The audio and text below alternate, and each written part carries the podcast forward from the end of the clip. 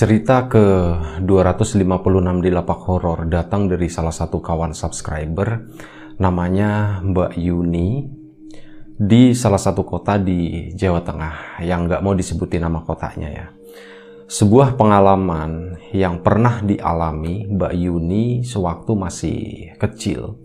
Waktu itu masih usia SMP.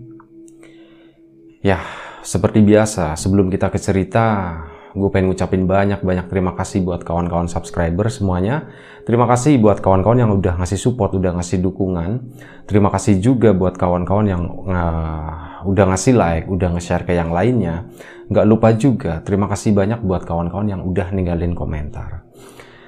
Nah, kemarin itu banyak yang komentar gitu, katanya, oh nggak puasa kayak gitu, nggak uh, sebenarnya gini ini ngeteknya tuh malam ya jadi ada kopi kayak gitu. Kadang uh, gue minum kayak gitu dan karena ini tayangnya siang mungkin kawan-kawan berpikir seperti itu.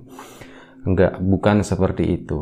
Nah balik lagi ke cerita Mbak Yuni tadi. Sebuah pengalaman waktu Mbak Yuni itu masih kecil masih SMP jadi waktu itu ceritanya neneknya Mbak Yuni itu baru saja meninggal Mbah putrinya itu baru saja meninggal. Mbah putrinya itu tinggal di sebuah rumah, ya rumah lama ya.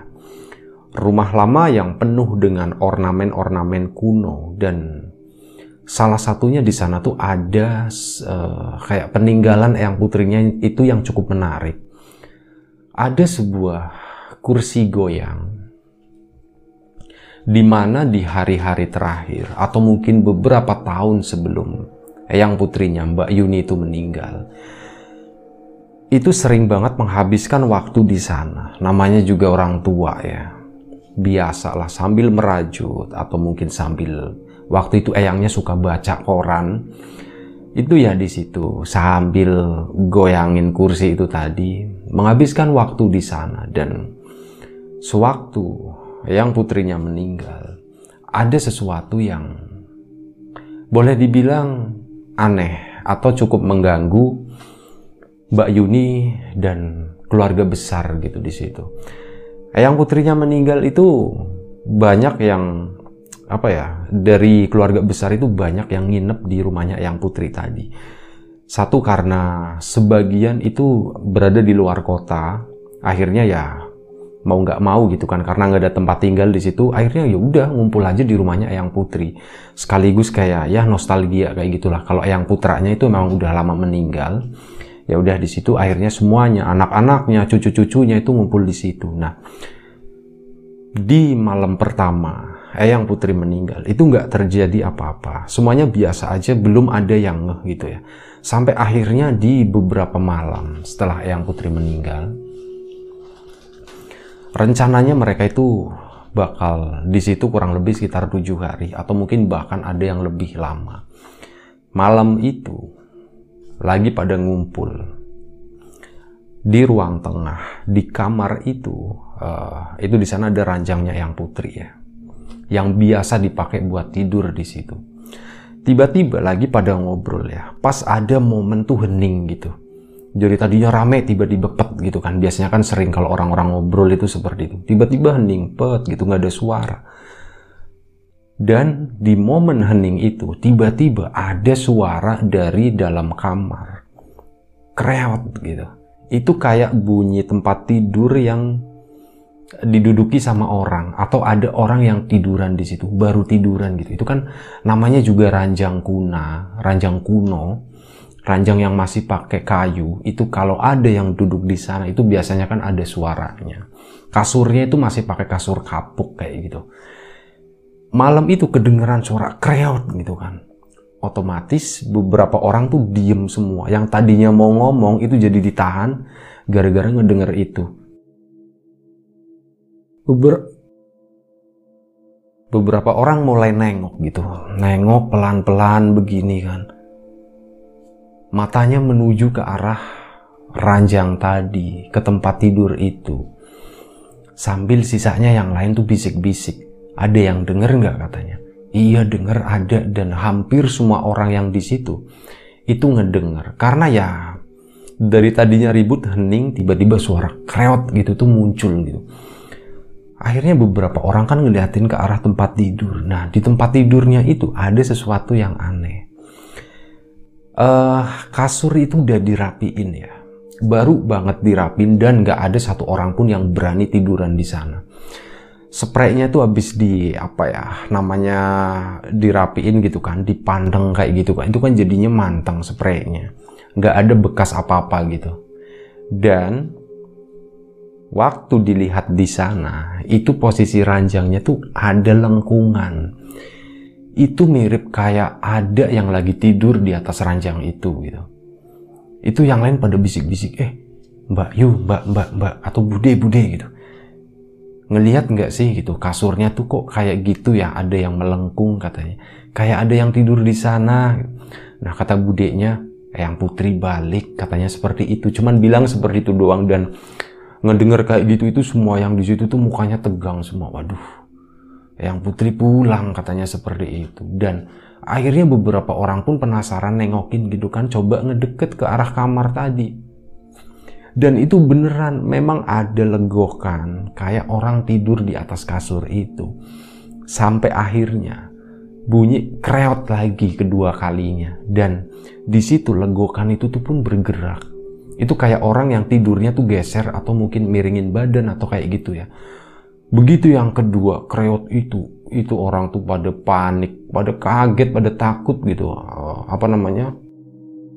anak-anaknya yang putri sama cucu-cucunya gitu. Nah Mbak Yuni ini cucunya, salah satu cucunya yang putri. Itu kayak gitu pada ngeliat, pada wah pada ketakutan akhirnya pada kabur pergi semua. Pada ke ruang tengah lagi ngumpul di situ gitu. Wah yang putri pulang, yang putri pulang katanya seperti itu. Itu malam pertama seperti itu. Dah akhirnya apa?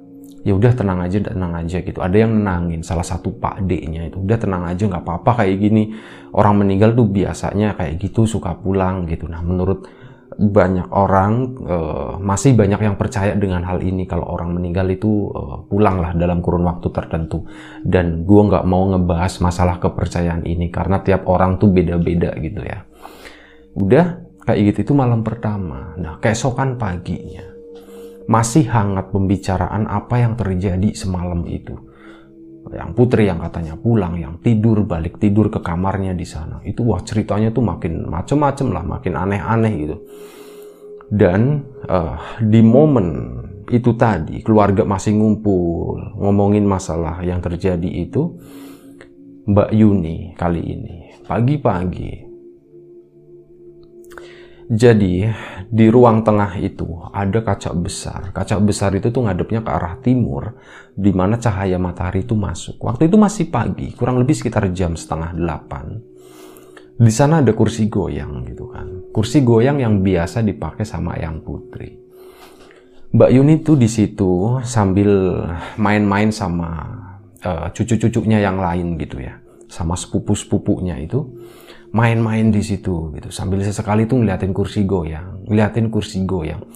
Nah beberapa kali Mbak Yuni nengok ke arah kursi goyang tadi itu kan berarti kondisinya tuh boleh dibilang kayak siluet kayak gitu kan. Karena nembak sinar matahari yang dari arah luar itu. Nah di situ pas berapa kali nengok itu Mbak Yuni kayak ngelihat ada siluet. Seorang wanita kurus badannya itu lagi duduk di situ di kursi itu gitu. Wah Mbak Yuni langsung eh yang putri katanya kayak langsung teriak. Sepupu-sepupunya kan langsung nengokin begini kan pada ngeliatin. Tapi katanya kata sepupu-sepupunya itu nggak ada yang lihat. Jadi yang lihat itu cuma Mbak Yuni doang. Seolah-olah di kursi goyang tadi ada satu sosok yang duduk. Dan sosok itu katanya ya mirip dengan sosoknya Eyang Putri. Cuman memang bentuknya itu siluet, cuman hitam nggak terlalu jelas kelihatan. Itu seperti itu paginya. Udah makin rame lagi kan, semalam katanya pulang. Pagi ini ada Mbak Yuni yang katanya mengaku melihat Eyang Putrinya tuh lagi duduk di kursi itu. Nah, kali ini adalah sore harinya Hari udah mulai agak gelap, mungkin sekitar jam 5 sore. Masih di ruang tengah, sebagian orang tuh di ruang belakang, lagi nyiapin makanan, persiapan buat acara tahlilan kayak gitu. Kan biasanya suka dikasih apa ya, kayak cemilan atau pacetan kayak gitulah. Nah, sebagian lagi di belakang situ. Mbak Yuni dan sepupunya namanya anak kecil kan ya lari-lari mondar-mandir bolak-balik dari belakang ke depan, ke depan ke belakang pas lagi lari atau bukan lari, lagi lewat lah, lagi lewat ke arah ruang tengah itu lagi. Mata Mbak Yuni tuh tertuju ke kursi goyang tadi yang ada di sana. Itu awalnya tuh baik-baik aja. Semuanya tuh ya normal, kursi goyangnya tuh diem di sana gitu. Sampai akhirnya beberapa kali balikan, Mbak Yuni tuh berhenti. Kenapa? Karena Mbak Yuni ngelihat kursi goyang itu jalan. Ser, ser, ser, tiga kali jalan, terus berhenti. Mbak Yuni mundur, cerita ke ibunya, Ma, kursinya Ayang Putri jalan sendiri, katanya seperti itu. Di situ maknya bukannya gimana-gimana, malah maknya ketakutan, langsung manggil budeknya, budeknya Mbak Yuni ya. Mbak Yu, Mbak Yu, ini kata Yuni, dia katanya ngelihat kursi goyangnya itu jalan tadi katanya. Katanya seperti itu. Ya udah makin ribut lagi kan, makin ramai lagi kan. Waduh ini kayaknya yang putri beneran pulang deh katanya seperti itu. Sampai akhirnya, udah intinya malam itu acara tahlilan selesai, lancar semuanya. Malam itu yang biasanya mereka ngumpul di tengah di depan kamarnya yang putri itu gara-gara insiden kemarin itu pada nggak berani gitu. Udah mereka jadi kayak siap-siap tidur. Nah kamarnya yang putri pun akhirnya ditutup ditutup tapi nggak penuh ya. Mungkin disain sekitar 20 atau 30 cm aja diganjel bagian belakang. Udah mereka tidur di situ. Sebentar ngopi dulu ya.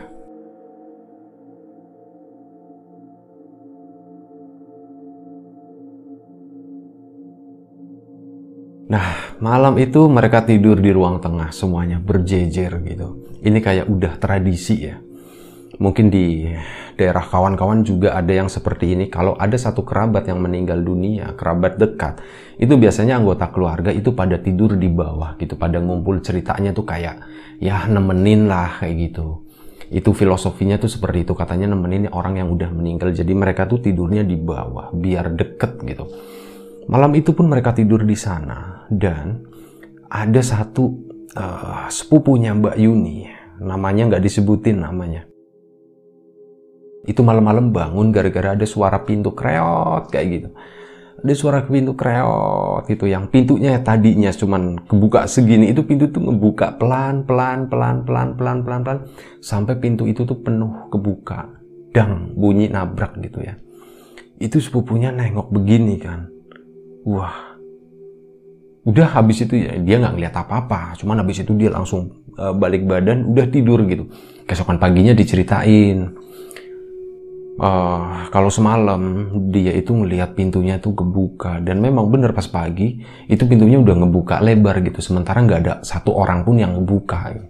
Ceritanya seperti itu. Sampai akhirnya pagi itu berarti hari keberapa ya? Hari kedua atau hari ketiga setelah yang putri meninggal Mbak Yuni itu namanya anak kecil ya rasa penasarannya juga tinggi antara takut dan penasaran gitu kan ini sebenarnya uh, nggak yang bagian ini gue skip aja. Intinya begini, pagi itu Mbak Yuni itu nyobain lagi di sela-sela main sama sepupunya itu. Kemarin kan ngelihat kalau kursi goyangnya yang putri itu jalan sendiri. Dia pun penasaran, dia naik, dia duduk di sana.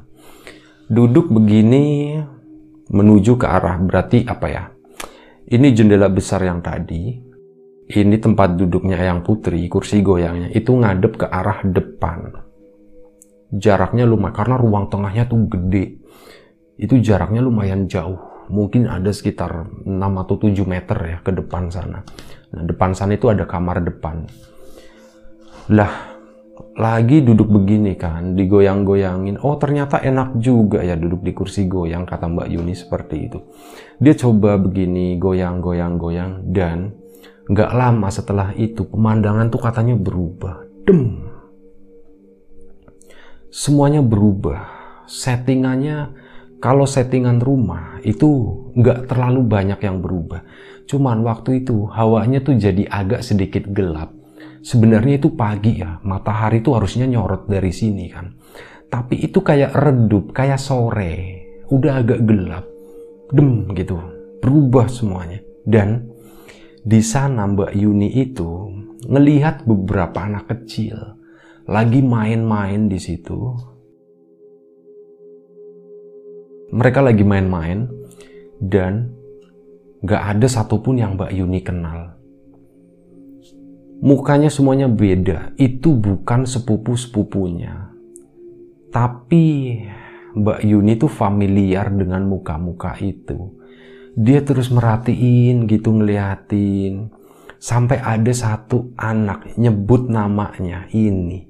Yang satunya nyebut lagi namanya ini. Di situ Mbak Yuni tuh baru nge kalau itu adalah nama ibunya sama budeknya jadi Mbak Yuni tuh ngelihat masa lalu dia lari ke belakang ngelihat sesuatu yang pernah terjadi di masa lalu di mana ibunya sama budeknya tuh masih kecil dan tante-tantenya yang lain itu lagi pada main di situ semua. Mirip dengan apa yang dia lakuin sama sepupu-sepupunya waktu itu. Ya udah dia terus merhatiin begini kan. Kok aneh ya? Mama jadi kecil, katanya kok bude jadi kecil kayak gitu. Mbak Yuni tuh jadi menikmati pemandangan itu sampai akhirnya ada suara manggil, "Yun, Yuni ke sini." Nah, di situlah Mbak Yuni lompat deng dan semuanya itu berubah, berubah jadi normal lagi. Di mana yang dilihat di situ itu adalah sepupu-sepupunya. Akhirnya Mbak Yuni udah dipanggil gitu kan sama mamahnya waktu itu. Mbak Yuni masih diem, masih belum cerita. Dia cuma masih bingung dengan apa yang sebenarnya terjadi tadi. Kok aneh ya? Udah lupa begitu aja. Dia tuh akhirnya main-main dengan sepupunya lagi. Waktu itu dipanggil disuruh makan, disuruh sarapan dulu. Akhirnya Mbak Yuni pun sarapan. Selesai sarapan, lanjut main-main dengan sepupunya. Nah, siang harinya, sorry. Siang harinya, selepas duhur, mungkin sekitar jam 1 siang, sepupu-sepupunya tuh udah dipanggilin buat tidur siang ya. Sini, sini, sini deh, anak-anak masuk-masuk, sini masuk rumah katanya. Tidur siang, tidur siang. Beberapa tidur siang yang sebagian yang udah agak gede agak bandel gitu kan. Masih tetap main-main kayak gitu. Salah satunya tuh Mbak Yuni itu. Masih tetap main-main dan dia tuh inget dengan kejadian pagi tadi di mana dia ngelihat masa lalunya waktu itu masa lalu orang tuanya. Mbak Yuni pun penasaran. Dia naik lagi ke kursi tadi ke kursi goyang tadi. Digoyangin satu dua tiga. Kok nggak terjadi apa-apa ya? Kok beda dengan apa yang dia alami pagi tadi waktu itu? Dia cobain begini kok sama aja? Sama aja nggak berubah ya? Aku tuh mau ngeliat mama kecil katanya waktu itu seperti itu dalam hati itu. Udah dan ternyata nggak lama setelah itu dem beneran. Mbak Yuni tuh ngelihat lagi masa lalu. Ruangannya lebih gelap. Di sana Mbak Yuni ngelihat ada mamahnya budeknya. Itu tuh lagi keluar masuk kamar yang depan itu. Keluar masuk lari-larian. Udah kayak gitu sebagian itu ada yang tidur. Jadi ada kursi panjang di situ. Nah ada yang tidur di situ. Itu kalau nggak salah itu padeknya gitu. Itu anak laki-laki lagi tidur di sana udah agak besar ya Mbak Yuni mikir ini padek kali ya gitu. Wah ternyata begini kecilnya tuh seperti ini. Dan waktu itu Mbak Yuni tuh lagi bengong, lagi menikmati, bukan menikmati ya, kayak lagi memantau gitu apa yang terjadi dengan anak-anak kecil itu. Yang itu ada mamanya, ada budeknya, ada buleknya, ada padeknya di situ. Lagi asik-asiknya ngamatin, tiba-tiba ada salah satu anak kecil yang ngedatengin dia. Yuni gitu. Kenapa kamu di sini katanya? Ditanya seperti itu. Yuni pun nengok gitu kan.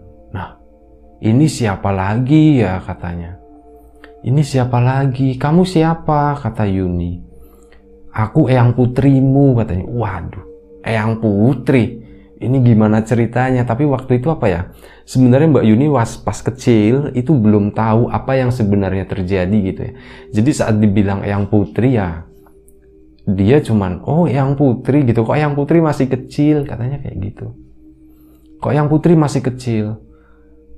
Ya ya ini emang yang putri masih kecil gitu kamu kenapa di sini kenapa mainnya jauh banget sampai ke sini sana kamu pulang pulang sana turun dari kursi pulang pulang gitu itu itu kursinya eyang katanya seperti itu. Maksudnya eyang di sini tuh eyangnya lagi ya ke atasnya lagi. Jangan di situ nanti dimarahin. Kamu masih kecil nggak boleh duduk di situ. Aku aja nggak boleh duduk di situ gitu. Oh gitu ya eyang. Padahal eyang itu tuh masih kecil ya. Tapi mbak Yuni karena dia nyebutnya Eyang Putri, mengaku sebagai Eyang Putri, akhirnya dia pun manggil si, eh, si sosok anak kecil tadi itu sebagai Eyang. Oh gitu ya Eyang. Iya, kamu turun pulang-pulang sana. Akhirnya Mbak Yuni pun tuh nurut ya waktu itu.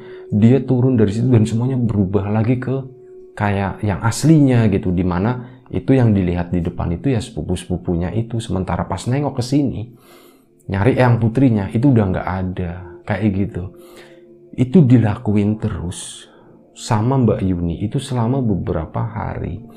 Bahkan dalam sehari itu beberapa kali sampai puncaknya itu. Ya intinya apa yang dilihat ya, sewaktu duduk di kursi itu, Mbak Yuni itu dibawa kayak terbang ke masa lalu. Ngelihat orang tuanya, ngelihat eyang-eyangnya, itu masih kecil semua. Pokoknya seperti itulah. Dan akhirnya di hari ke-6 setelah eyang putrinya meninggal, Mbak Yuni balik lagi duduk ke, uh, ke kursi tadi. Nah, di sana itu nggak terjadi apa-apa. Padahal Mbak Yuni itu udah duduk di situ udah cukup lama. Udah hampir setengah jam waktu itu duduk di situ, tapi nggak ada yang terjadi. Semuanya biasa aja. Apa yang dilihat ya pemandangan hari itu ada sepupunya seperti biasa ya ada lalu lalang orang lagi sibuk buat acara tahlilan kayak gitu dia duduk di situ diem aja sambil goyang-goyang kayak gini. Dan tiba-tiba, bam, semuanya tuh jadi gelap. Mbak Yuni bukan berada di dalam ruangan itu lagi, tapi dibawa ke arah belakang rumah. Arah belakang rumah itu beda banget. Jadi Mbak Yuni tahu arah belakang rumah itu gara-gara nengok, oh itu ada rumahnya Eyang. Tapi rumahnya itu masih bagus, dan agak memang agak sedikit berbeda dengan yang sekarang. Memang saat uh, Mbak Yuni ke sana sama sepupu sepupunya itu kan biasa juga main di area belakang rumah kan. Ada ke, uh, semacam kayak kebun tapi kecil kayak gitu. Nah, itu dibawa ke situ. Dan udah kok aku di sini tadi kan duduk di kursi. Dia di situ melihat sama ada beberapa anak kecil ada ibunya, ada apa namanya tantenya, ada buliknya, kayak yang dilihat sewaktu di ruang tengah tadi. Seperti itu pemandangannya. Itu lagi pada main-main di situ kan. Terus Mbak Yuni kan dia posisinya tadi kan duduk nggak bisa ke mana-mana. Nah sekarang karena berdiri, uh, dia pun jalan ke depan, ngedeketin ke arah mereka. Sampai akhirnya ada yang manggil lagi, Yuni katanya. Kamu kenapa ke sini lagi? Nah, itu adalah yang manggil adalah sosok anak kecil yang mengaku Eyang putrinya itu. Lah, Eyang, kok Eyang di sini katanya? Iya, Eyang di sini. Eyang tuh ngeliatin kamu. Kamu kenapa ke sini? Jangan main ke sini. Nanti kamu nggak bisa pulang, katanya seperti itu. Di situ Mbak Yuni bingung ya, orang nggak bisa pulang gimana? Eyang orang itu kan di situ ke depan katanya. Terus habis itu Mbak Yuni tuh lari masuk ke dalam kamar, eh ke dalam kamar, ke dalam rumah tuk tuk tuk tuk tuk tuk tuk gitu pas Mbak Yuni lewat itu yang sepupu-sepupunya yang di situ itu nggak pada ngeh ya intinya nggak ada respon apa-apa Mbak Yuni sempat nengok begini pas lari yang lihat ibunya sama bude-budenya itu masih kecil, itu mereka lagi sibuk bermain di situ. Dia terus lari, tuk tuk tuk masuk ke dalam rumah. Nah, pas masuk ke dalam rumah, ya rumahnya masih rumah dulu, di mana posisinya itu masih sedikit berubah dengan apa yang terakhir dia lihat di dunia nyata ya. Apa namanya ya? Kursi goyangnya masih ada, tapi posisi lemari itu udah pindah. Di sana Mbak Yuni tuh ngelihat ada beberapa orang tua lagi duduk di ruang tamu. Mereka terlihat lagi ngobrol-ngobrol gitu. Ngobrolnya apa Mbak Yuni nggak inget waktu itu. Yang jelas mereka tuh ngobrol-ngobrol. Nah, si sosok yang mengaku Eyang Putri tadi itu ngikutin Mbak Yuni dari belakang. Itu Eyang katanya, itu Eyang Kakung sama Eyang Putri. Mbak Yuni masih kecil ya, dia tuh bingung. Lah, kamu kan Eyang Putri. Dia yang putri jadi yang bener yang mana? Itu eyang putriku katanya. Berarti jauh lagi sebelum kamu. Kamu nggak pernah lihat katanya kayak gitu. Oh begitu ya. Terus udah mbak Yuni ceruntul aja ke sana ke depan. Eyang eyang putri gitu eyang kakung manggil kayak gitu. Tapi dipanggil eyang putri sama eyang kakungnya itu kayak nggak denger. Semuanya tuh cuman diem aja masih lanjut ngobrol. Di situ mbak Yuni bingung. Yang manggil yang anak kecil tadi ya kok mereka nggak denger suaraku? katanya. Iya kamu nggak kedengeran sama mereka mereka nggak bisa ngelihat kamu katanya. cuman kamu aja yang bisa melihat mereka katanya seperti oh gitu ya? Iya. Ya udah deh akhirnya Mbak Yuni pulang lagi ke belakang lagi ke arah kebun di mana dia pertama kali masuk ke situ ya titiknya titik awalnya dia balik ke situ lagi yang putrinya tuh ngikutin yang Putri, aku mau pulang, aku mau ketemu sama ibu, katanya. Lah, itu ibu kamu lagi main, katanya. Bukan ibu yang ini, aku mau ketemunya ibu yang besar, yang udah besar. Uh, ya nanti ya, kamu sabar ya, katanya seperti itu. Belum waktunya kamu pulang, kata yang putrinya seperti Kok gitu yang putri gitu? Aku kan udah mau pulang, aku di sini takut nggak ada yang kenal gitu Gak ada yang kenal gimana itu ibu kamu, itu padik kamu, itu bule kamu. Nggak mau, aku nggak mau yang gitu, aku nggak mau yang kecil, akunya maunya ibu yang besar, aku maunya mama yang besar katanya. Nah yang putrinya ngejelasin, Yuni belum waktunya. Nanti kalau udah waktunya, kamu akan pulang sendiri gitu. Udah ya, yang putri mau pergi gitu. Nah di situ mulai ada kesan katanya sikapnya yang putri waktu itu tuh agak sedikit nggak ramah. Uh, apa ya? Kalau dibilang marah sih enggak cuman enggak ramah gitu aja lah. Itu yang gue pahami ya dari cerita ini. Akhirnya si sosok yang putri tadi itu tiba-tiba lari bes ke sana dan hilang gitu. Mbak Yuni ditinggalin di situ sendirian di mana di situ nggak ada satu sosok pun. Sosok hidup ya. Entah anak kecil orang tua orang-orang muda yang ada di rumah itu itu nggak ada satupun yang bisa ngedenger suaranya Mbak Yuni. Dia dari tadi mondar mandir belakang depan belakang depan. Itu terus menerus dan seingat Mbak Yuni itu tuh waktunya cukup lama. Kayak dari pagi sampai malam dari malam sampai pagi lagi. Tapi dari semuanya yang ada di situ nggak ada satupun yang terlihat mereka tidur. Semuanya itu melek semuanya itu melakukan hal yang sama seperti itu itu aja. Pada main-main ya udah main-mainnya di situ doang. Pada ngobrol-ngobrol di ruang tengah itu itu udah katanya udah lama banget. Ini kok nggak pulang-pulang kayak gitu kan. Sementara Mbak Yuni ke sana manggilin yang putri yang kakung sampai di telinganya. Yang kakung kayak gitu. Yang putri gitu. Tapi nggak ada yang denger. Mereka tuh ngobrol masih ngobrol ketawa-tawa sendiri udah di situ Mbak Yuni bingung akhirnya Mbak Yuni pun duduk di kursi goyang tadi. Duduk di situ sambil goyang, goyang begini. Ini apa yang terjadi gitu ya sambil terus ngeliatin di sekitar rumah itu. Sampai akhirnya ada yang manggil, Yun, Yuni bangun, Yuni bangun kayak. Nah begitu ngedengar suara itu, tiba-tiba Mbak Yuni tuh kayak tadi terakhir itu dia lagi melek, lagi merhatiin sekitar Tiba-tiba dia tuh kayak bangun dari tidur. Kondisinya udah merem begini, begitu melek begini, kayak ada yang manggil gitu kan, Yuni, Yuni bangun gitu. Dia melek, pas yang dilihat itu balik lagi ke kayak masa yang sekarang. dia ngelihat sepupunya udah rame dikerumunin sama orang. Dia ngelihat ibunya yang besar. Mah, mama, kok mama sekarang udah gede katanya. Ya mamanya bingung, udah gede apanya orang dari tadi mama ya udah gede kayak gini gitu kan. Udah bingung, udah mamanya bingung. Udah akhirnya diangkat lah si Mbak Yuni tadi dibawa di kamar, kamar yang depan ditidurin di situ, bukan di kamarnya yang kakung ya. Ditidurin di kamar depan situ. Dan akhirnya intinya hari itu Mbak Yuni itu ya singkat cerita udah balik ya. Hal ini baru diceritain itu beberapa tahun kemudian setelah Mbak Yuni itu udah agak besar di mana dia udah bisa mulai mencerna cerita.